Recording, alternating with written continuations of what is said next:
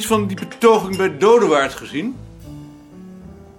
Ik was toevallig bij mijn vader. Wij hoorden toen, eh, toen we thuis kwamen van vakantie door de radio. Wacht even, even mijn eigen kopje aan.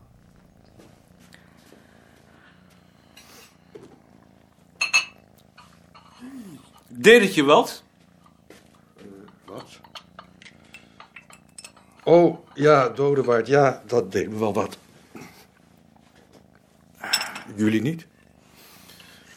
Het emotioneerde me. Ja, dat dacht ik toch ook.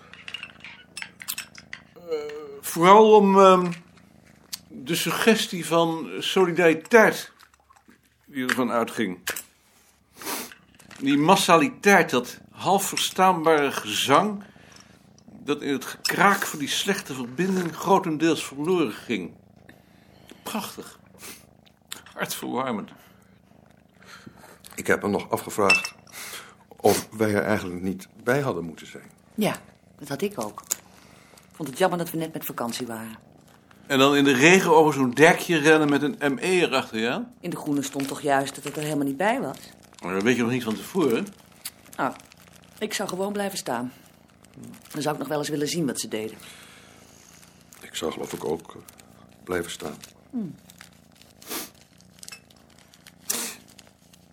zal wel zijn dat ik oud word. Al die kinderen. Ik voel me daarbij niet meer thuis. Ik denk, de boel gaat toch naar de bliksemdammer zo gauw mogelijk. Dat heb je toch altijd gedacht? Ja, dat heb ik altijd Toch niet gedacht. omdat je oud wordt? heb ik altijd gedacht. Voor die mensen die tegen kernenergie zijn, heb ik nou nog wel sympathie. Dat heb ik ook, dat is het punt niet. Waarom zou je dan niet met ze meedoen? Als we niet met vakantie waren geweest, had ik geloof ik wel meegedaan. Maar dan moet je wel lid zijn van zo'n basisgroep. Denk je? Je kunt toch ook wel voor eigen rekening meedoen? In dit geval niet. Zo was het nou juist georganiseerd. Dan zou ik er geloof ik niet zo'n zin in hebben.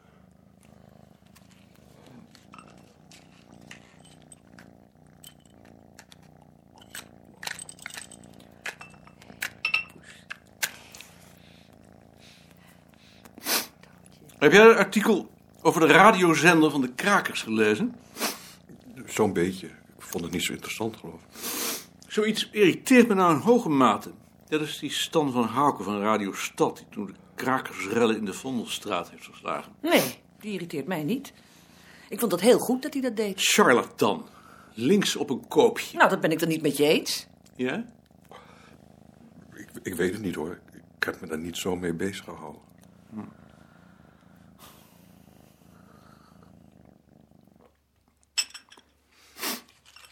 Eigenlijk ehm, zou je al deze voorkeuren en afkeren heel nauwkeurig moeten noteren. Zodat je je grenzen kunt uittekenen. In mijn geval zou het er geloof ik op neerkomen dat ik een hekel heb aan mensen die lawaai maken om er zelf beter van te worden. Grof gezegd. Is dat niet een nogal rechts standpunt? Dat is een eh, door en door rechtsstandpunt, maar ik wil het met plezier verdedigen.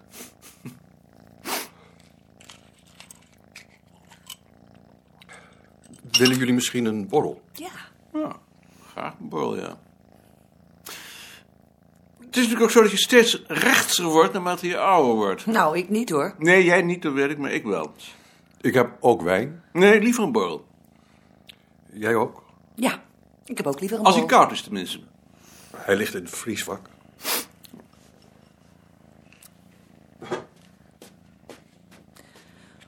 Hoe kun je nou zeggen dat je steeds rechtser wordt? Je bent niet rechts. Dan zou ik niet met je getrouwd zijn. Ik vind mezelf rechts. Maar je bent niet rechts.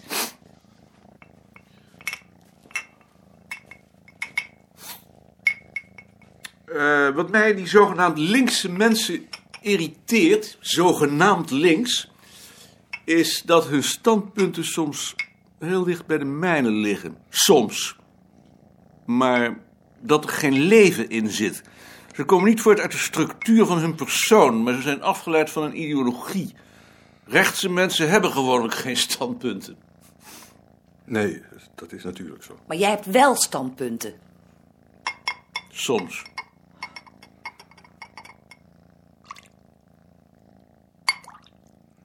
Je beeft behoorlijk. Ja, ik drink te veel de laatste tijd.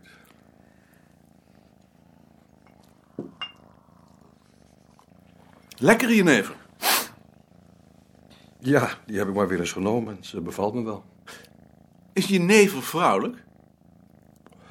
Ik, ik weet het eigenlijk niet. Ik wil het wel even opzoeken. Nou, maar het interesseert mij eigenlijk niet. Nee, dat dacht ik ook.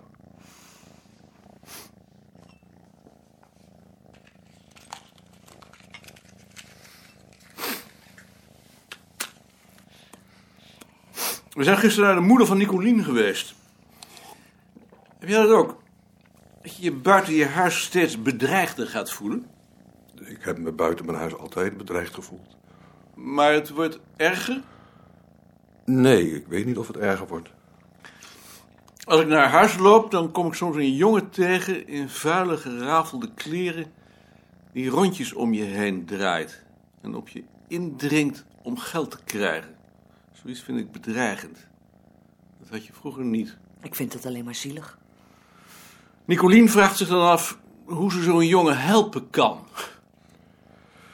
Die zal wel niet te helpen zijn. hè? Nee, tenzij je hem op zou sluiten en dat kan niet. Hoe kun je nou zoiets verschrikkelijks zeggen? Ik zeg Waar niet- haal je dat vandaan? Ik zeg niet dat ik dat zou doen.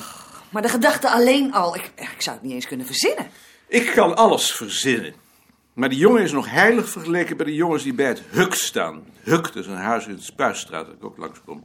Wat dat betekent, weet ik niet, maar het zijn van die holoogige, groezelige, agressieve jongens. Ze staan er altijd als ik s'avonds langskom, of ze scharrelen met z'n tweeën of z'n drieën in een portiekje. Er gaat een enorme dreiging vanuit. Die zullen dan wel aan de druk zijn. Denk ik ook, ja. Maar vind jij niet bedreigend? Jawel, ook wel. Volgens mij is dat dus een bewijs dat je ouder wordt. Zo'n kraker of zo iemand die tegen kernenergie protesteert, die draait daar zijn hand niet voor om. Die vindt gewoon dat het erbij hoort.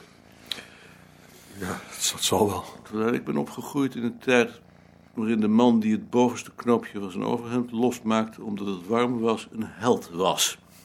Die liep het risico dat hij werd ontslagen. Willen jullie er misschien een stukje kaas bij? Ja.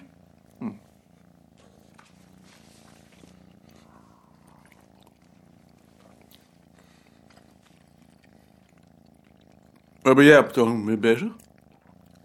Ik ben bezig aan een levensbeschrijving. Daar ben je toch altijd al mee bezig? Maar deze is omdat ik me heb aangemeld bij de vrijmetselaars. Bij de vrijmetselaars? Omdat mijn vader ook bij de vrijmetselaars is, dacht ik dat ik er misschien ook maar bij moest gaan. Om je vader een plezier te doen? Ja, dat ook. En ook wel uit eenzaamheid, denk ik. Maar is dat niet verdomd armoedig? Denk je? Lijkt me wel. Ik dacht, dan heb ik tenminste weer iets wat me bezighoudt. Ik ben een beetje op mezelf uitgekeken, eerlijk gezegd.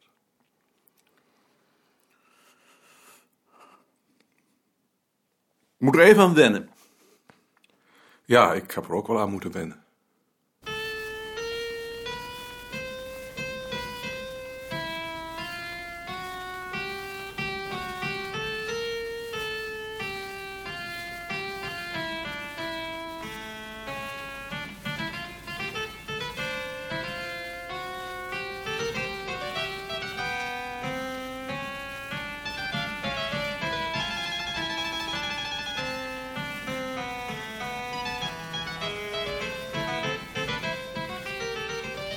In zijn droom werd hij omringd door een dreigende, in lompen gehulde menigte die op hem indrong.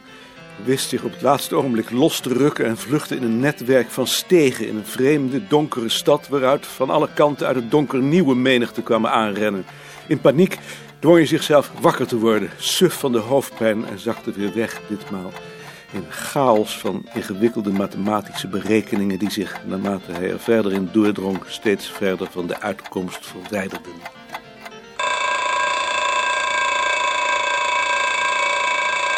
Moet je de deur niet open doen voor de katten? De wekker is toch gegaan? katten. Sta je niet op? Het is al over zeven. Ik ben beroerd. Beroerd? Wat heb je dan? Heb je te veel gedronken bij Frans?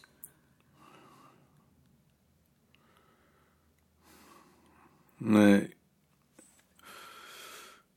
Ik ben ziek. Heb je dan koorts? Weet ik niet. Als je ziek bent, heb je toch koorts? Dat zeg je toch zelf altijd? Daarom neem je toch altijd je temperatuur op? Ik weet niet of ik koorts heb. Dus je kunt ook ziek zijn en geen koorts hebben. Zie je wel dat het onzin is van die koorts?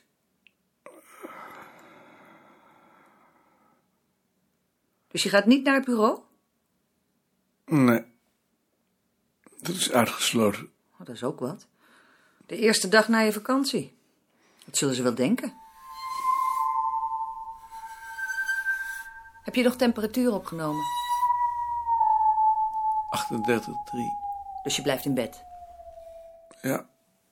Hij hoorde haar in de verte telefoneren met iemand van het bureau. Maar hij was te beroerd om te verstaan wat ze zei en zakte meteen weer weg in een toestand van bewusteloosheid. In zijn halfdromen liep hij langs verlaten moderne terrassen aan een vijandige boulevard.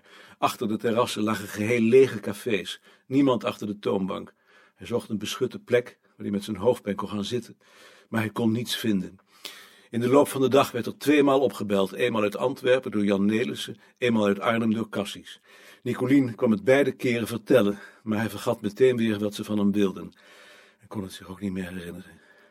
De dag ging over in schemer, de schemer in de nacht, de nacht in een nieuwe dag. Hij hoorde Nicolien op de gang bezig met de geraniums die ze van de vensterbank aan de voorkant naar hun winterverblijf in het kleine kamertje bracht. Zo, de zomer is voorbij. Wordt winter. En nu gaan jullie eerst een poosje slapen. De koorts en de hoofdpijn waren verdwenen. Hij had alleen nog keelpijn. Een saaie ziekte.